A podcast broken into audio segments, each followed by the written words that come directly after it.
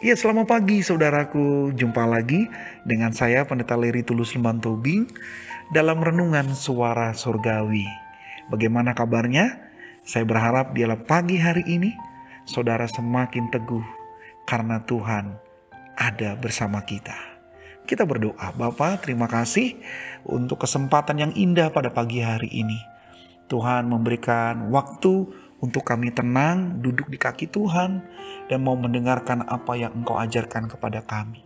Pimpin kami di dalam rohmu. Hanya di dalam nama Tuhan Yesus kami berdoa. Amin.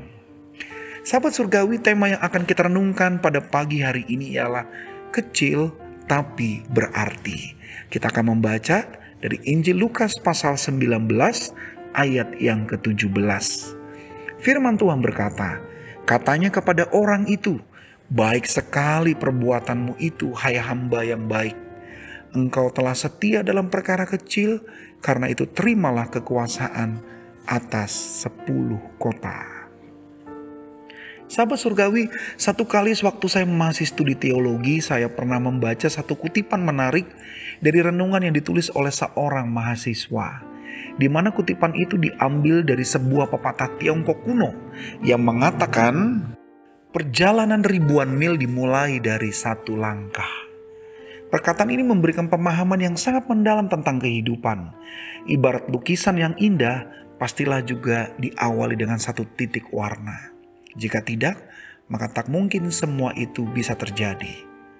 Peribahasa kuno ini memberitahukan kepada kita betapa pentingnya langkah pertama dalam melakukan hal apa pun. Seperti kata seorang pengusaha dan sekaligus motivator, yaitu almarhum Om Bob Sadino. Ketika ditanya usaha apa yang paling baik, ia mengatakan usaha yang dibuka dan dikerjakan dengan tekun dan bukan ditanya terus. Sahabat surgawi, sering kali saat seorang ingin berbuat sesuatu, maka dia akan memiliki banyak pertimbangan. Apa yang terjadi? Itu membuat ia menghentikan langkahnya. Dan bahkan pada akhirnya ia tidak melakukan apa-apa. Padahal yang terpenting adalah mengawali dan menekuni. Walaupun segala sesuatu pastilah memiliki resikonya masing-masing. Tetapi lebih tidak baik jika tak berbuat sama sekali. Sebab akan ada banyak kehilangan kesempatan yang datang kepadanya semua walaupun akan menjadi masa lalu dan kenangan. Tapi ingat bahwa Tuhan telah mengaruniakan kepada kita hikmat dan pengertian agar kita dapat membedakan apa yang baik dan apa yang tidak untuk kita kerjakan di hidup ini. Namun, ada saja alasan yang paling klasik dari kebanyakan orang. Belum mencoba, belum merasakan pengalaman langsung, sudah mengambil keputusan dan merasa apa yang dikerjakannya itu pasti tidak berhasil. Akhirnya, semua hanya menjadi rentetan kekhawatiran yang tidak pernah selesai. Sahabat surgawi, mari kita melihat perumpamaan yang diajarkan oleh Tuhan Yesus. Kekaguman sang pemilik talenta mengetahui saat para hamba yang dipercayakannya itu dengan sungguh-sungguh mengelolanya dengan baik dan berkembang. Walau semua diawali dengan hal yang kecil dan tak berarti, tetapi saat hal itu dilihat sebagai kesempatan yang patut disyukuri dan tak mungkin berulang kembali, maka itu akan diupayakannya hingga berlipat kali ganda, dan tak segan-segan sang tuannya itu mempercayakannya yang lebih besar kepadanya. Lihat, Tak ada keberhasilan yang terjadi begitu mudah dan instan. Semua melewati proses yang panjang, namun membawa kebahagiaan yang besar. Marilah kita merubah mindset atau pola pikir kita.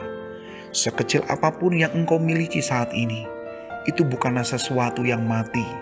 Ia hanya menunggu kita bergerak dan terus mengembangkannya, hingga suatu saat kita akan tersadar bahwa apa yang kita capai sekarang ini itu semua diawali dengan langkah yang kecil. Jadi sahabat surgawi, ingatlah jangan pernah meragukan hidup yang Tuhan berikan kepadamu.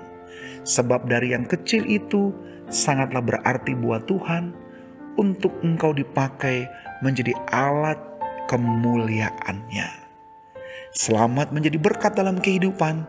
Tuhan menolong kita dalam mengerjakannya. Amin.